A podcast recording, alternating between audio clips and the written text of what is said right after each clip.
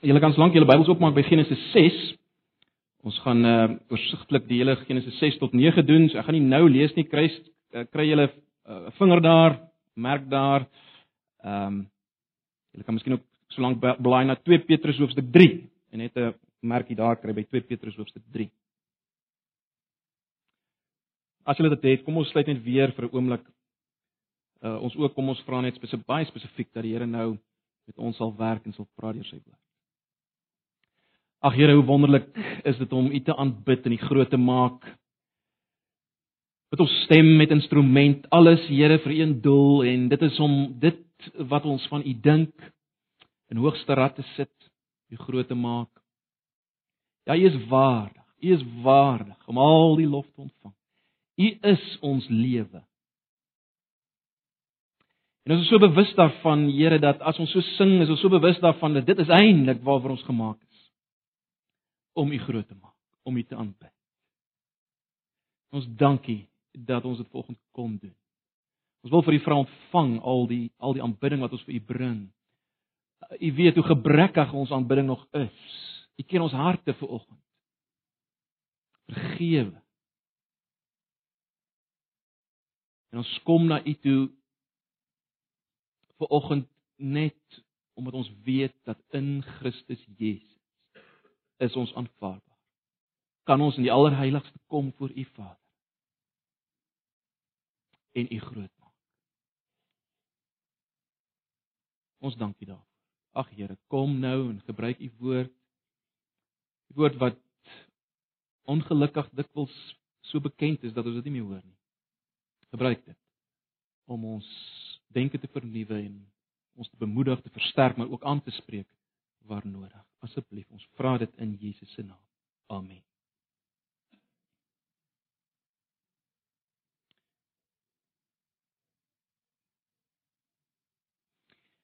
Ek wil begin met 'n vraag. Glo jy dat Jesus Christus weer gaan kom? Glo jy dit? Glo jy dat die aarde soos ek nou ken beëindig gaan word, vernietig gaan word en dat daar 'n nuwe hemel en 'n nuwe aarde waarin geregtigheid gaan woon gaan kom. Glo jy dit? In Openbaring 22 sê die opgestane verheerlikte Jesus: "Kyk, ek kom gou." Dis nou meer as 2000 jaar daarna en hy het nog nie gekom nie. Wat moet ons daarmee maak? Kom hy regtig gou? Daar's baie wat nie glo dat hy weer gaan kom nie. Daar's baie wat spot met die gedagte. Daar's sommige wat dit sien as maar net 'n kruk vir ouens wat nie kan cope met die lewe nie. So hulle hou vas aan 'n wederkoms en 'n nuwe aarde. Wel broers en susters, Petrus het baie lank gelede reeds gesê dit gaan so wees. Ek wil julle moet gou kyk na 2 Petrus hoofstuk 3. As julle nog nie daar is nie, blaai gou na 2 Petrus hoofstuk 3. 2 Petrus hoofstuk 3. Redelik agter in die Bybel. Oor 1 Johannes net na Jakobus en 1 Petrus. 2 Petrus hoofstuk 3. Ek gaan lees vanaf vers 3. Veral moet julle weet dat daar in die laaste dae mense op die toneel sal verskyn. Nou die laaste dae is natuurlik die dae vandat Jesus uh gekom het tot nou. En dit wat nog gaan kom is is alreeds die laaste dae. Veral moet julle weet dat daar in die laaste dae mense op die toneel sal verskyn wat die spot dryf en wie se lewe net deur hulle eie begeertes beheers word. Hulle sal spot en sê: "En wat het nou geword van die belofte van sy wederkoms? Ons vaders is al dood en tog bly alles nog net soos dit was van die begin van die skepping af." Hiermee vergeet hulle moetswillig dat daar lank gelede 'n hemel en 'n aarde was wat deur die woord van God uit water en deur water ontstaan het en dit is ook deur water dat die wêreld van daardie tyd oorstroom is en vergaan het. Maar die hemel en die aarde van vandag is bestem en word bewaar vir die vuur. Ook deur die woord van God en word in stand gehou tot op die dag waarop die goddelose mense veroordeel en verdelg sal word. Een ding moet julle egter nie vergeet nie, geliefdes. Vir die Here is een dag soos 'n 1000 jaar en 'n 1000 jaar soos een dag. Die Here stel nie die vervulling van sy beloftes uit nie. Al dink al dink party mense so. Nee, hy's geduldig met julle omdat hy nie wil hê dat iemand verlore gaan nie. Hy wil hê dat almal moet bekeer. Maar die dag van die Here sal so onverwags soos 'n dief kom en die dag sal die hemel met 'n groot gedruis verdwyn, die hemelliggame brand en tot niet gaan en die aarde met alles wat daarop is vergaan. Verstaan julle die vloei van Petrus se argument?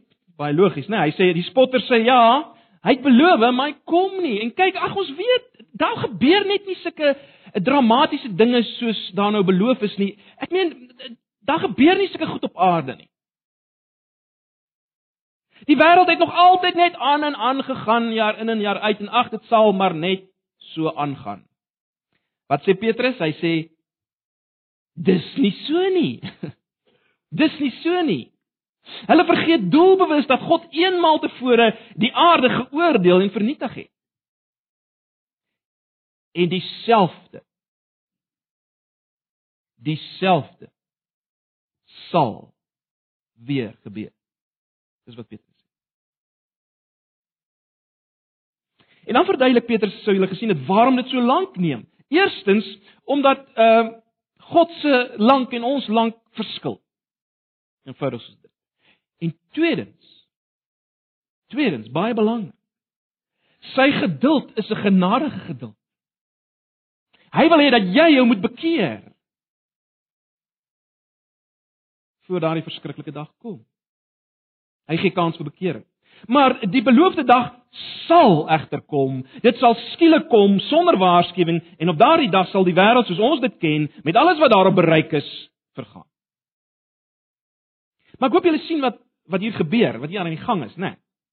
Petrus gebruik die historiese voorbeeld van Noag om te bewys dat aan die een kant die belofte dat Jesus weer kom seker is en aan die ander kant om te wys dat die vernietiging van die aarde soos ons dit nou ken seker is. Hy gebruik die historiese gebeure uh tydens die die sonvloed, die lewe van Noag. Met ander woorde ons kan sê die die vloed was 'n voorafskaduwing van die einde van die wêreld. Of as jy wil, die vloed is 'n historiese prentjie van die einde van alle tyd. Terloops Jesus gebruik dit ook so Terwyl van tyd gaan ek dit nie nou lees nie, maar julle kan na Matteus 24 gaan kyk, vers 38 tot 39. Jesus gebruik ook uh die vloed as as so 'n prentjie. So ek dink julle sal my saamstem. Dit sal dwaas wees vir enige mens om nie te kyk na Genesis 6 tot 9 en die lesse te leer wat ons daar moet leer. Nie waar nie. So dis wat ek wil hê ons moet vanoggend doen. Ek wil net eers hê ons moet kyk na hoofstuk 3 tot 5 vinnig oorsigtelik wat ons daar sien. Uh, want dis natuurlik die voorskou tot hoofstuk 6 tot 9 of as jy wil hoofstuk 6 en 9 is die toppunt van dit wat ons sien in hoofstuk 3 tot 5 Baie kortliks, wat het ons gesien in hoofstuk 3? Julle sal onthou, ons het gesien in hoofstuk 3 dat die drie volmaakte verhoudings wat daar was in God se kosmiese tempel, die skepping Die drie volmaakte verhoudings, 'n absolute eenheid met God, 'n geen skaamte verhouding met God, 'n absolute geen skaamte verhouding met mekaar en 'n en 'n wonderlike verhouding met die geskape werklikheid. Dis die drie verhoudings wat daar was. Maar dis vernietig. Dit het tot niet gekom. Hoekom? Omdat die mens geluister het na die Satan se leuen dat God nie so goed is soos hy lyk nie. Die Satan se leuen dat jy gaan uitmis as jy vir hom luister. Hulle daarna geluister. En hulle het geluister na die Satan wat die die die negatiewe beklemtoon in plaas van die positiewe wat God beklemtoon het vir hulle. Ons het daarna gekyk. En as gevolg daarvan, broers en susters, gebeur die ongelooflike, die tragiese. Die mens word gedryf uit Eden uit.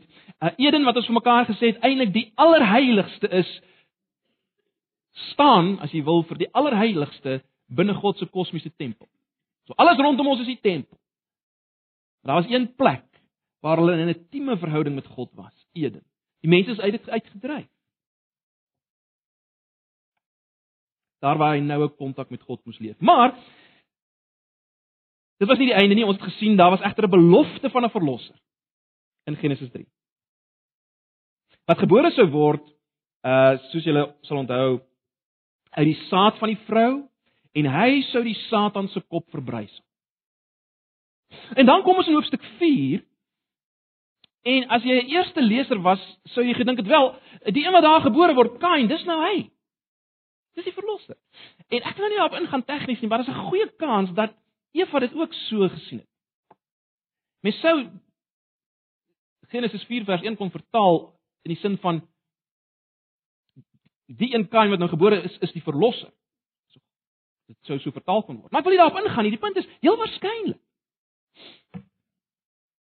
het selfs Eva gedink is dis nou hierdie een wat gebore is. Maar dan sien ons daai selfie in Kain haat sy broer en uiteindelik is 'n moordenaar. Kain en sy nageslag is 'n perfekte prentjie van hoe lyk mense sonder God. Uh mense wat altyd die blame skuif op op ander, né? Nee, dit is nooit hulle nie. Hulle blameer altyd die ander tipies by Kain en sy nageslag, selfgesentreerd, arrogant soos by Lamech. Ons sien hulle hulle beleef 'n mate van aardse sukses, maar hulle lewens draai nie om God nie, maar om hulle self. Lamech is die toppunt daarvan. Daar in Hoofstuk 4 vers 23 en 24 sien ons hy gebruik selfs die digkuns. Hy gebruik selfs die digkuns om sy haat uit te spreek. Lamech dan Hoofstuk 4 23 en 24. So ons kan sê broers en susters, die goedheid van die skepping is nog geniet. Hoor julle? Die goedheid van die skepping is nog in 'n mate geniet. Daar was families. Daar was kulturele ontwikkeling. Ons sien dit dan in Hoofstuk 4 vers uh vers 20 tot tot 22 sien ons dit, né? Nee, uh, Jubal en Jabal, die vader van die musiek en instrumente en so aan. Kulturele ontwikkeling. Uh, ons lees van 'n ou Tibal Cain, tegniese ontwikkeling, né? Nee. Eerste smid was en so aan. So dit was nog daar. Maar alles is egter besoedel deur deur son. En daarom is daar moord, daar's wanbestuur van die kulturele ontwikkeling. Dis wat ons kry. So ons kan sê uh, die feit dat die mens beeld van God is, is nie totaal vernietig nie, maar maar die hoe daarvan is ontsaglik beskadig. En dan kom ons by hoofstuk 5. Hoofstuk 5 gee 'n lys van die nakommelinge van Adam uh, van Adam deur Set. Hier sien ons hierdie nakommelinge roep die naam van die Here. Tipies van mense wat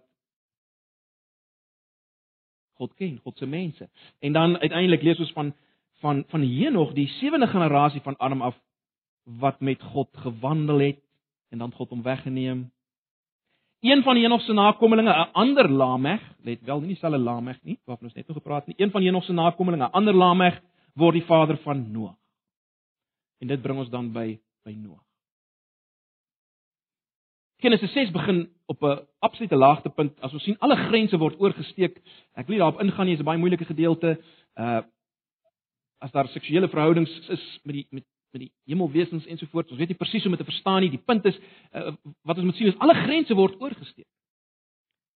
Maar dit bring ons by hoofstuk 6 tot 9. En dis waarna ons wil wanneer ek wil hê ons moet kyk. Uh So dis vier hoofstukke uit die aard van die saak broers en susters kan gaan ons nie nou alles lees nie. Maar ek wil hê ons moet 'n paar dinge doen.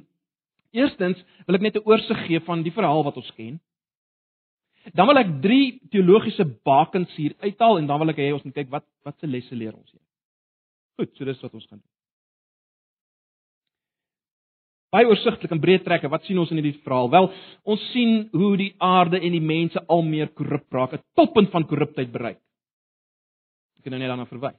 Toppunt van korruptheid word bereik. God besluit om die aarde te oordeel en te vernietig. Een regverdige man, Noag, begin om 'n ark te bou. Uh God stuur 'n paar van van al die diersoorte na Noag toe. Uh, op sy bevel gaan Noag en sy familie in die ark in. God sluit die deur. Uh dit reën 40 dae en 40 nagte. Alle lewende wesens en alle mense, behalwe die in die ark, word vernietig. God hou egter sy belofte. Ons uh, ons lees dit en uiteindelik kom die mens en sy familie uit die ark uit as God die water laat opdroog. En dan sluit God 'n verbond met Noag en sy nageslag dat hy nooit weer dit so gaan doen nie. Sluit 'n verbond met Noag en sy nageslag dat hy nie die aarde weer op dieselfde wyse gaan vernietig. So dis die groot verhaal, nee, ons ken dit almal min of meer so. Ek wil jou met drie teologiese bakens as jy wil waarhede wat ons hier kry uithaal. Die eerste is sonde. Sonde. Die waarheid van sonde of die baken van sonde. Nou kan julle saam my lees Genesis 6 vers 5 tot 6. Ek lees maar die 83 vertaling.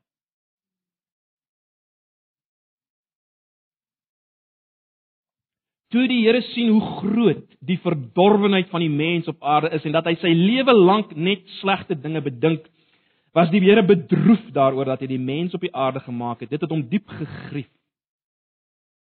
Kyk na vers 11 en 12 van hoofstuk 6. Die aarde was korrup in die oë van God, vol geweld. Vers 12, hy het die aarde gesien, dit was korrup. Elke mens op aarde se lewe was verrot.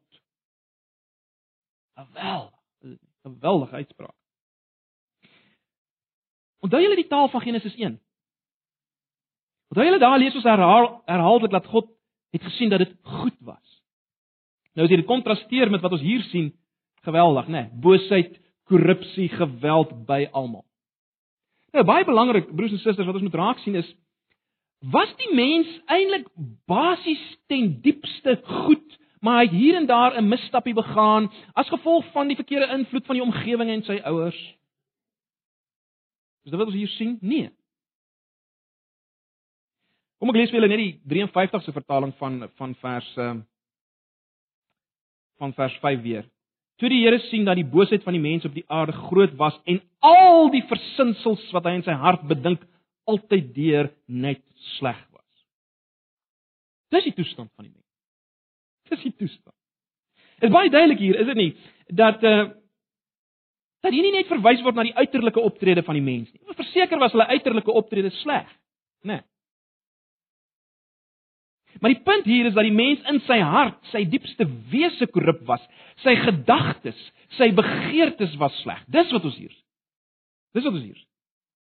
En dit is geweldig, is dit nie? Dieselfde mens wat geskep is om God te verheerlik, deur hom te geniet, deur vreugde in hom te vind. Dieselfde mense wat veronderstel is om die aarde te vul met beelddraers van God, mense wat God as te ware sigbaar voorstel, daardie selfde mens het nou vir God innerlik in sy hart verwerp. En omdat hy God innerlik in sy hart verwerp het, lei dit tot uiterlike sondige dade. En is nou nog so, as jy God begin verwerp innerlik in jou hart, dan lei dit tot sonde op jou oppervlak. En dis wat hier gebeur. Dis wat ons sien. Het God nou besluit om in die lig van hierdie korrupte toestand die vloed te stuur en sonde uit te wis en dan met 'n perfekte mens te begin? Dis wat God hier doen? Wel, eh, wat sien ons? Ons sien wel in uh 6 vers 9 dat dat Noag 'n regverdige man was onder sy tydgenote.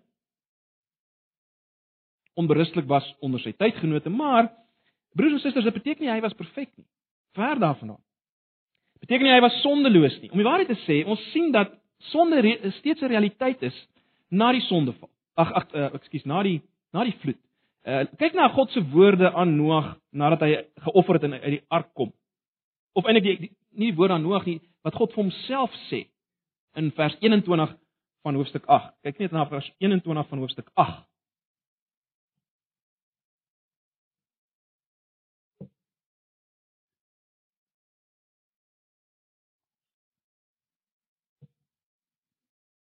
Die Here het die offer aanvaar en hy het by homself gesê ek sal nie weer so ramp oor die aarde laat kom vanweë die mens nie. Van sy jeug af bedink die mens net slegte dinge, maar ek sal nie weer al wat lewe laat omkom soos ek gedoen het nie. So wat sê God hier ten diepste? Hy sê wel, ek het dit nou eenmaal gedoen vir 'n sekere doelwit om al wat lewe is te vernietig. Uh maar die mens is selfs van sy kinderdae af bo so as ek elke keer die aarde gaan vernietig dan gaan ek dit heeltyd moet doen. Dit is is in effek wat God hier sê. Ek het 'n beter plan en natuurlik ons weet nou wat is die beter plan om uiteindelik te handel met sonde. Jy sien die vloed het nie uiteindelik finaal gehandel met sonde. Uh jy, jy sien God het geweet die die oplossing vir sonde was nie om die beste man te kies en oor te begin nie. En om dit absoluut duidelik te maak, wys die skrywer vir ons iets in hoofstuk 9 wat skokkend is, is dit nie? Hoofstuk 9 vers 20 tot 27. Uh Weer eens terwyl van tyd sal ek dit nou nie lees nie, maar julle kan julle oë daar laat val op Genesis 9 vanaf vers 20 tot 27. Julle ken die verhaal weer eens uh, wat ons hier kry. Ons sien hier dat dat Noag uh wat die eerste wingerdboer is, gaan homself te buite aan drank. En dan lê hy nakend daar op sy bed. En dan Gam, een van sy seuns vertel vir sy ander broers daarvan en waarskynlik uh spekulasie, maar ons kan aflei, waarskynlik het hy 'n uh, grap gemaak van van sy pa. Dis waarom daar so erg oor gereageer is. Hoe dit ook al sê, uh, sy broers in steede daarvan om 'n grap te maak van hulle pa bedek hom en en so lei die verhaal. Maar belangrik om te sien, daar is familiebreuk. Daar's familiebreuk en daar's vervloeking. Noag Sondag, Gam Sondag. Sonne spring lewendig. Jy sien, die vloed het wel Kain se geslagslyn uitgewis, maar nie sonde nie. Dit moet ons baie duidelik sien. So, broers en susters, God se doel met die vloed was nie om sonde daarin dan uit te wis nie. Nee nee, die die vloed is 'n voorskou van die finale vernietiging wat gaan kom. En die finale uitwissing van sonde. Want daar gaan 'n finale uitwissing van sonde. So, maar dis die een baken, sonde. Dit bring ons by 'n volgende baken, baken oordeel. In sy aanvanklike interaksie met Noag beloof God dat hy die aarde gaan vernietig. Kom ons kyk na vers 7 van hoofstuk 6. Genesis 6 vers 7.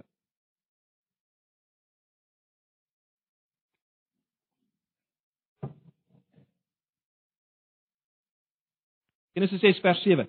Die Here het gesê ek sal die mens wat ek geskep het wegvee van die aarde af, mens en dier, ook die wat kruip en die voëls, want ek is bedroef daaroor dat ek hulle gemaak het. Kyk na vers 13. Toe sê God vir Noag, ek het besluit om 'n einde te maak aan alle mense, want deur hulle toedoen is die deur hulle toedoen, let wel, is die aarde vol geweld. Ek gaan hulle saam met die aarde verdel. Dis vers 13. So dis hoe dis hoe dit begin. En en dan kom ons kyk na hoofstuk 7. Hier eindig die beskrywing van van God se oordeel, die vervulling daarvan. Genesis 7 vers 23 en 24. Genesis 7 vers 23 en 24. So God het dit beloof. In vers 7 en vers 13. Kyk nou na vers uh hoofstuk 7 vers 23 en 24. So het God alles wat op die aarde geleef het uitgewis, mens en dier, ook die wat kruip en die voëls, hulle is almal weggevee van die aarde af, net Noag en die by hom in die ark is gespaar. Die water het die aarde 150 dae lank oorstroom. Ons moet tog nie die geweldige hiervan mis nie, né? Nee. Julle sal onthou in Genesis 1 vers 2 was daar waters op die aarde en dan kom God en hy vorm sy kosmiese tempel? Nee, hy begin met die met die met die skepping soos dit daar lees. Nou lê die skrywer klem dat die aarde bedek is met water. Uh, wat ons moet sien is dat die hele skepping, broers en susters, word omgekeer. En dit gaan weer terug na 'n situasie van nie funksionering so daar was voor die skepping. God keer die hele skepping om. Baie belangrik. Uh, wat ons moet raak sien is dis God wat dit gedoen het. Alraai. Dis God wat dit gedoen het.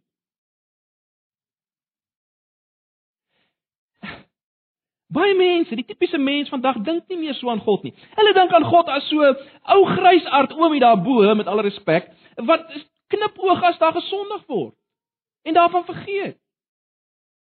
Maar broers en susters, dis natuurlik nie die God van die Bybel nie.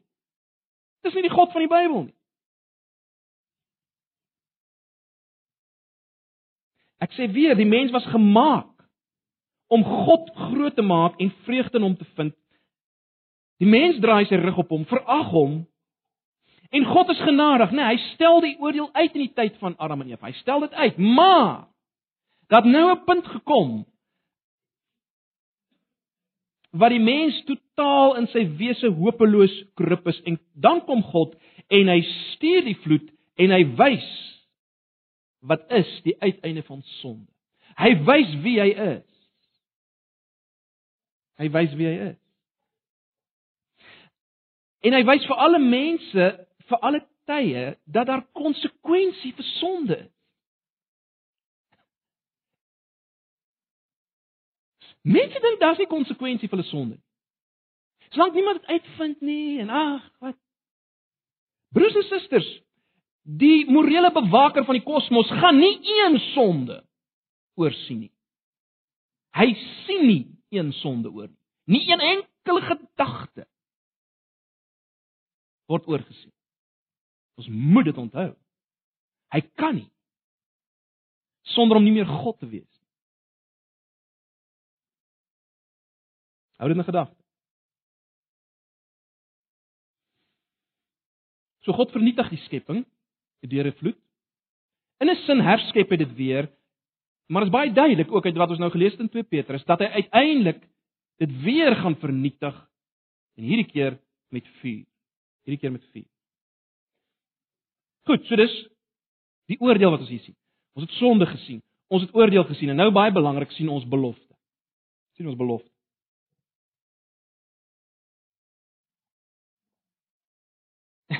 En dis die dis die wonderlike, is dit nie? Genesis 6 tot 9, dank God. Handel nie primêr oor sonde en oordeel nie, maar maar dit gaan primêr oor God se beloftes en sy getrouheid in die waarmaak van sy belofte.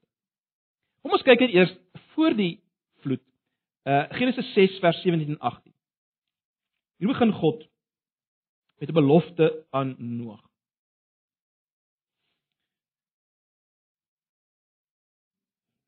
Ek gaan 'n oorstroming oor die aarde laat kom om al wat daarop lewe te verdelg, elke lewende ding onder die hemel, alles wat op die aarde sal omkom. Vers 18: Maar met jou wil ek 'n verbond sluit. Jy moet in die ark ingaan, jy en jou seuns en jou vrou en jou skoondogters. God sluit hier 'n verbond met Noag. Aan die ander hy gaan in 'n ooreenkoms, hy gaan in 'n 'n kontrak as jy wil, 'n ooreenkoms Dit is eintlik meer iets soos 'n huweliksverbond waar waarmee jy ingaan uh met Noag. En daar's twee kante hieraan. In die eerste in die eerste plek is natuurlik is dit 'n genadige verbond, né? Nee? Dis uit genade uit dat God dit doen en daar's twee kante aan hierdie verbond. 'n Baie interessant ook uh net so terloops is dat die woord wat hier gebruik word vir die die sluit van hierdie verbond uh in Hebreëus is dit die woord vir die herbevestiging van 'n verbond. En dis vreemd, is dit nie? Want nou vra jy jouself of nou maar waar was daar dan 'n verbond gewees voor dit? En dis hele punt, dis wat ek probeer sê in Genesis 1 en 2, dat ons reeds in Genesis 1 en 2 verbond sien tussen God en die mens.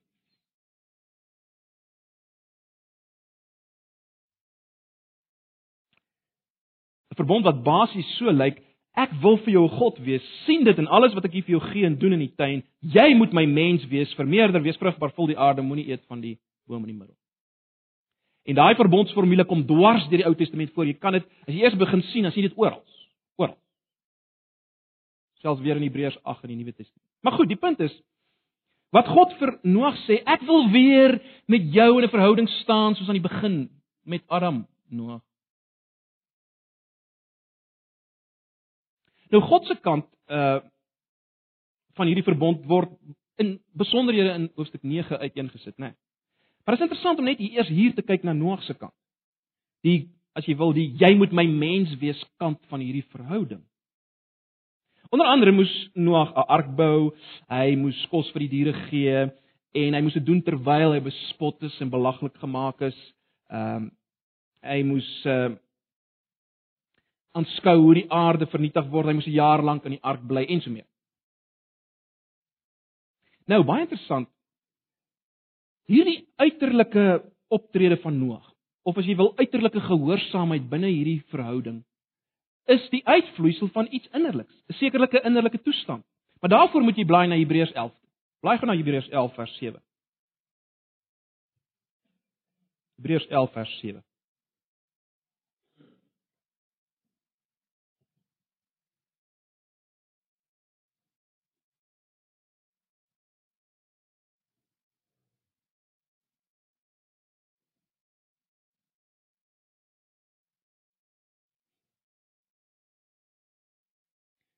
Ek sê sy uiterlike gehoorsaamheid was iets wat uitgevloei het uit iets innerliks. Kyk hier, omdat Noag geglo het, het hy God eerbiedig gehoorsaam toe hy gewaarsku is oor die dinge wat nog nie gesien kon word nie. Daarom het hy die ark gebou om sy huisgesin te red. Sy geloof was 'n veroordeling van die wêreld, maar dit het hom erfgenaam gemaak van die vryspraak wat deur die geloof kom. Aangrypend, is dit? Aangrypend. En dan word mense kan sê die die basiese in in in die kant van Noag in hierdie verbond, die basiese van die voorwaarde van die verbond is vertroue in God. Dis dit vertroue dwars deur die vloed, 'n vertroue dat God sy beloftes sal hou. En as gevolg daarvan het Noag opgetree. As gevolg van hierdie geloof, hierdie vertroue in God. Nou, reeds in Genesis 6 is dit duidelik dat God meer beloof en meer vervul as wat hy van Noag verwag. Uh eerstens as hy sê alles op die aarde sal sterf, maar ek sal my verbond oprig met jou, dan dan sê implikasies ek gaan jou laat lewe. Ek gaan jou laat lewe. Het God gedoen wat hy beloof het? Ja, verseker. En hy doen alles wat Noag nie kan doen nie, né? Nie in staat is om te doen nie. Hy bring die diere na Noag, hoofstuk 6 vers 20. Hy sluit die deur van die ark. Noag sou nie hierdie dinge kon doen nie. God doen dit. En dan baie belangrik, broers en susters. Wat ons moet raak sien in dit alles is God se absolute as jy wil tere ontferming en liefde vir Noag. Uh ek het agter op julle bulletin so 'n skemaatjie uitgedruk en net dat julle kan sien dat die literêre, as mens nou bloot kyk na Genesis 1 literêr, so vir die ouens wat nou meer daarvan hou. As jy bloot literêr kyk na Genesis 6 tot 9, dan sien jy in die middel is Genesis 8 vers 1. Toe het God gedink aan Noag en aan al die wilde diere en die makdiere wat by hom in die ark was. Toe het God gedink aan Noag. Literêr is dit in die middel. Dit beteken nie God het hom ooit vergeet nie. En weer eens die werkwoord wat hier vertaal word met onthou beteken om op te tree in die lig van 'n vorige verbintenis aan 'n bondgenoot. So jy tree op teenoor iemand in die lig daarvan dat jy in 'n verbondsverhouding met hierdie iemand staan, tree jy op nou. Dis wat God doen. Hy tree op teenoor Noag. Hy dink aan hom waan hy staan in 'n verbondsverhouding met hom. 'n Liefdesverbondsverhouding.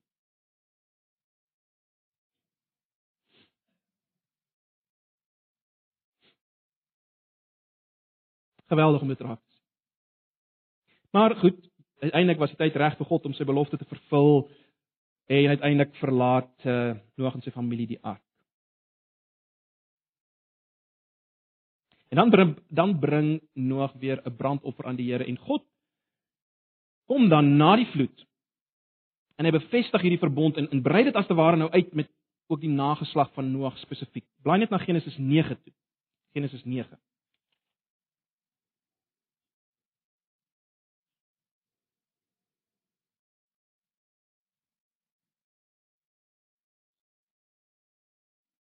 Kom ons lees hy eerste 17 verse net baie vinnig saam deur.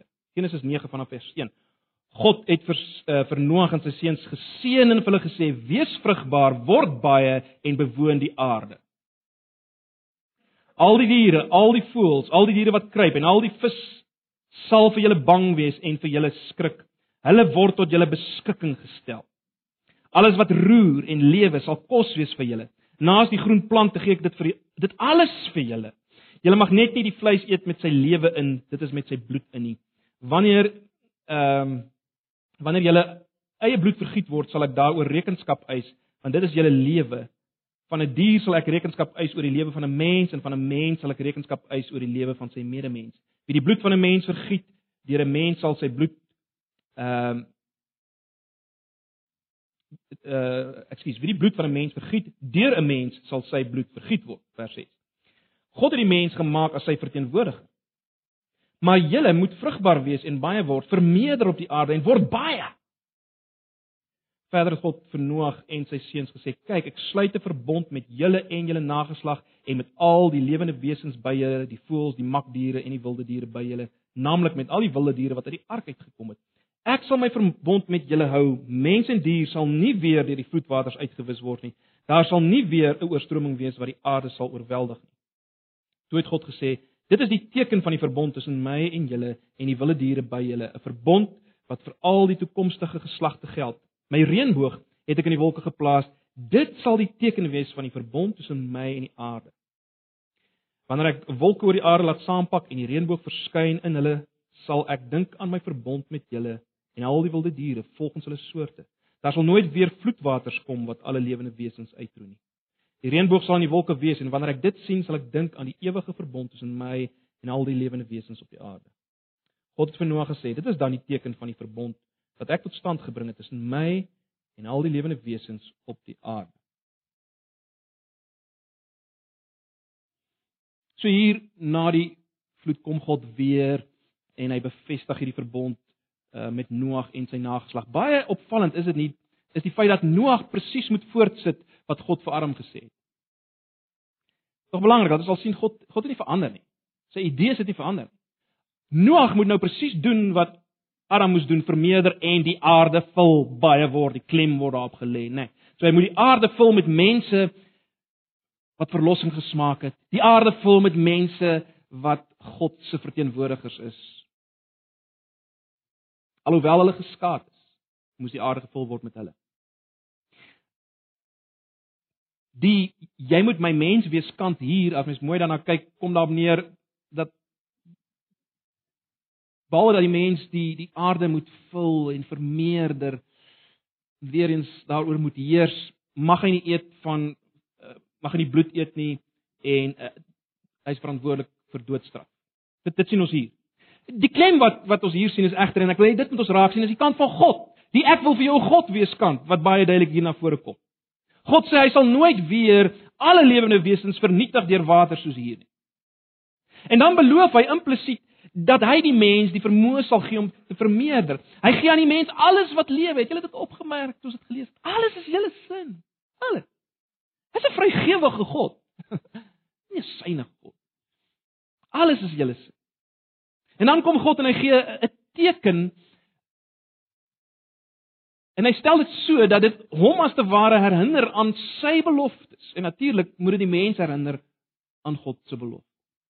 Sy belofte dat hy nie weer op hierdie manier te werk sal gaan nie.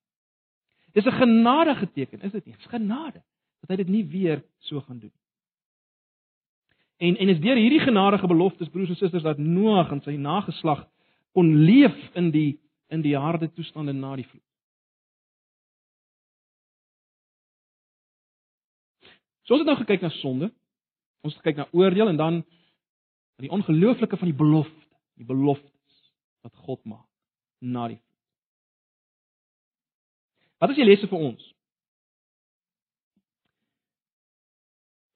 Ek het maar net 'n paar dinge hier uitgelig. In die eerste plek dit. God weet wat in die wêreld aangaan en in jou hart. Ek dink dit is baie duidelik in hierdie gedeelte uit, is dit nie? Het julle gesien dat God sê hy weet wat in die mens se hart aangaan? Hy hy sien al die versinsels in die hart. Hy weet dit. Hy sien dit. In Genesis 1 alreeds het ons gesien broers en susters dat God is nie deel van sy skepping nie, né? Soos die die panteïste glo nie. God is nie deel van sy skepping nie. Hy staan buite die skepping, maar ons het ook gesien in Genesis 1 en 2, God is betrokke by sy skepping. Hy is nie 'n deistiese God wat net die hele spul opgewen het soos 'n horlosie en nou loop dit maar af nie. En ons kan maar aankarring soos ons wil nie. Nee nee, hy's bewus van elke gedagte hier. Dis wat ons hier sien. En ons moet dit onthou. Hy's betrokke. Hy weet wat rondom ons gebeur in die wêreld. Hy weet van elke goddelose daad. Hy weet van elke goddelose gedagte en hy weet dit van jou alles. Hy weet dit. Is elke dag voor hom. Is elke dag voor hom. Elke gedagte van elke kind hier, elke gedagte van elke groot mens, elke gedagte van elke ou mens hier, hy weet dit. Elke dag voor hom. Is dit nie genade dat hy optree soos hy optree nie? Maar goed, dis die eerste punt. God weet alles wat in die wêreld aangaan en in jou hart. Tweede ding wat ons moet raak sien hier en ons het dit uitgelig. God voel ernstig oor sonde en straf alle sonde. Jou sonde, my sonde, die sonde in die wêreld is nie 'n grap nie. Jy weet Selfs onder ons is daar soms die geneigtheid om te sê, "Oeps, nou sondig ek weer." Vrou sê dit sê sy het te veel sjokoladekoek eet. Maar sonde is nie iets ligteliks nie. Nie 'n grap. Sonde is hoogverraad teen God. Want sonde sê ten diepste ek glo nie God is goed nie. Ek soek my vreugde buite hom en ek soek dit in dinge wat hom nie baag, waarvan hy nie hou. Daarin soek ek juis my vreugde. Sonde is om teen jou skepingsdoel in te beweeg. Sonde is om teen jou skepingsdoel in te beweeg. Wat is jou skepingsdoel? Jou skepingsdoel is om te leef. Dis die enigste rede hoekom jy bestaan, man. Dis die enigste rede hoekom jy asemhaal. Anders is jy suurstof dief hier. As jy nie leef om God groot te maak en op te lig en te verheerlik nie, dan dan hoort jy nie eintlik hier nie. Jy het nie plek nie. Ons moet dit raak sien. Dis waarvoor jy gemaak is. Dis jou skepingsdoel. Sonde is om teen dit in te gaan. As jy nie jou geluk in hom vind nie, gaan jy teen jou skepingsdoel in. En omdat dit so is, broers en susters, is die enigste straf vir sonde die dood. Dit kan nie anders nie. En daarom is ek en jy vanoggend of in die posisie waar jy nog die dood gaan en sal smaak. En let wel die dood nie van gerieflike uitwissing nie. Dood van ewige geskei wees van enige in verhouding wees met God of enige skepsel. Daardie dood sal jy smaak vir ewig en ewig.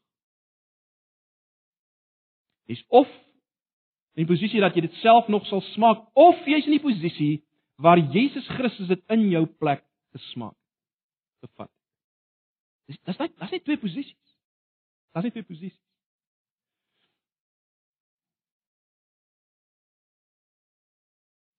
Of jy self gaan dit smaak. Of Jesus Christus is in jou plek deur God en alle mense verlaat op Golgotha.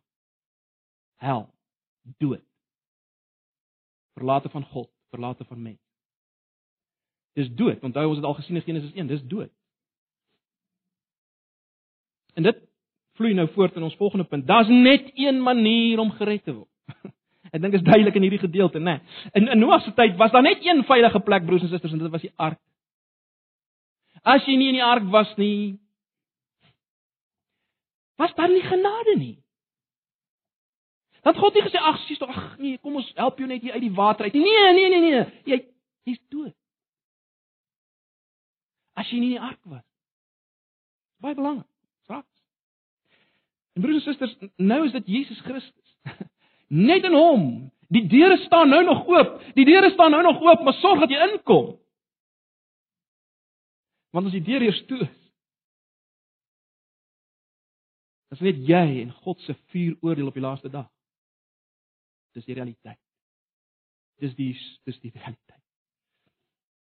'n Volgende punt. Ons verhouding met God is altyd verbondsmatig. Dis wat ons hier sien, is dit nie? Ook ek en jy staan in 'n verhouding waar God sê ek wil vir jou God wees, maar jy moet my mens wees. Selfs in die nuwe verbond staan ons in so 'n verhouding. Lees maar Hebreërs 8. God in alles wat hy vir ons doen in Jesus Christus. As Jesus sê ek is die brood van die lewe, ek is die lewende water, ek is die weg, die waarheid en die lewe, ek is die goeie herder, dan sê hy vir ons dis wat ek is vir jou. Maar nou, ons kan vertrou my, glo my. En laat daardie geloof oorgaan in dade wat wys jy jy glo dit. Jy's lief vir my. Ehm um, dis die jy moet my mens wees kant nou. En baie belangrik wat ons moet raak sien en hierin moet ons vertroosting put. Binne hierdie verhouding kan ons weet dat dit wat ons in hoofstuk 8 vers 1 van Genesis raak sien, is waar van ons. God dink aan ons. Hy dink aan jou. Moet dit nooit vergeet nie. Hy dink aan jou. Maak nie saak wat jou toestand is nie die terminaal siek is nie. Of jy huweliksprobleme beleef nie. Of jou kinders in opstand is. Of jy finansiële probleme het. Of jy 'n geloofskrisis het, sukkel om te glo, maak nie saak nie. As jy eenmaal in Jesus ingevlug het, eenmaal in hierdie verbondsverhouding is, dan dink God aan jou. Hy tree teenoor jou op in die lig van sy verbondsverbintenis aan jou. Hy tree teenoor jou op in die lig daarvan moet dit vat. Dis die vertroosting hier, nê? Nee. Dis die literêre middelpunt, broers en susters. Ons moet dit sien. Hy dink aan jou en hy gaan optree. Hy gaan optree. Baie vinnig wat ons hier sien, God is 'n God van tekens. Uh, ek het 'n hele ruk gelede by 'n doopdiens daaroor gepraat, so ek gaan dit nie herhaal nie. God is 'n God van tekens, genadiglik.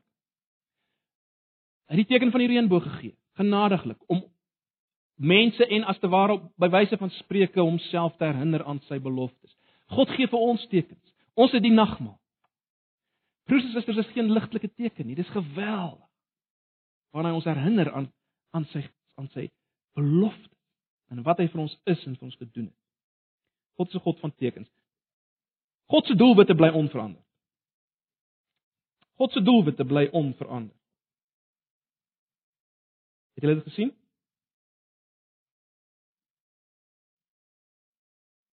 Hy wil steeds dat die aarde gevul word met sy beelddraers. Baie baie belangrik. Uh dit het nie verander nie. Al is hierdie beelddraers gekraak en gebuig, hy wil hê hulle moet vermeer. Terloops, dis die die hele opdrag in Matteus 28, ek het dit al gesê, vloei hier uit voort. Dis wat God wil. God stel belang in getalle. Kry dit uit jou kop uit dat hy nie belangstel in getalle nie. Hy stel belang in getalle. Hy wil die aarde vul met sy mense, nog steeds. Gaan die wêreld en maak die mense my disippels. In Handelinge word die klem gelê. Hoekom skryf die skrywer van Handelinge 3000 het tot bekering gekom? Hy wil die klem lê op getalle. Want dit is belangrik vir God. Hy wil die aarde vul met sy mense nog steeds. En broers en susters, dis waar ons inkom. Dis hoekom ons visie as gemeente is om in die wêreld in te beweeg soos Jesus, sodat meer en meer mense kan deel kry aan die koninkryk van God, sodat die aarde gevul kan word met sy mense. Want dan kry hy die eer. Dan kry hy die eer. Het julle gesien in 2 Petrus 3? Hy wil nie dat mense verlore gaan. Heel laaste punt. 2 Petrus Ons het gelees tot vers 10. Kom ons lees nou net vers 11 tot 15 as afsluiting. 2 Petrus 3 vanaf vers 11 tot 15. 2 Petrus 3 vanaf vers 11. Aangesien al hierdie dinge so aan aan hulle einde gaan kom, moet julle des te meer vroom en aan God toegewy lewe. Leef in verwagting dat die dag van God kom en beywer julle daarvoor, die dag waarop die hemel in vlamme sal vergaan en die hemelliggame sal brand en wegsmelt Maar ons leef in die verwagting van 'n nuwe hemel en 'n nuwe aarde wat God beloof het, waar die wil van God sal heers. Daarom geliefdes. Daarom geliefdes, terwyl julle hierdie dinge verwag, moet julle julle daarvoor beywer om vlekkeloos en onberispelik voor God te lewe en in vrede met hom te lewe. En beskou, let hierop, en beskou die geduld wat ons Here met ons het as geleentheid om gered te word. So het ons geliefde broer Paulus immers ook met die wysheid wat aan hom gegee is aan julle geskryf. Beskou die geduld wat ons Here met ons het as 'n geleentheid om gered te word. Ag broers en susters, ek hoef niks by te sê nie, dit staan alles daar. Dis die laaste ding wat ons moet raak sien. Ag mag die Here ons help om te leef in die lig van hierdie waarheid. Kom ons bid saam.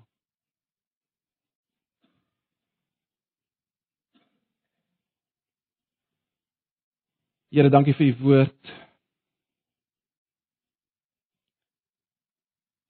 Here, bewaar ons elkeen daarvan dat ons die gesindheid sal hê wat die mense in 2 Petrus 3 gehad het.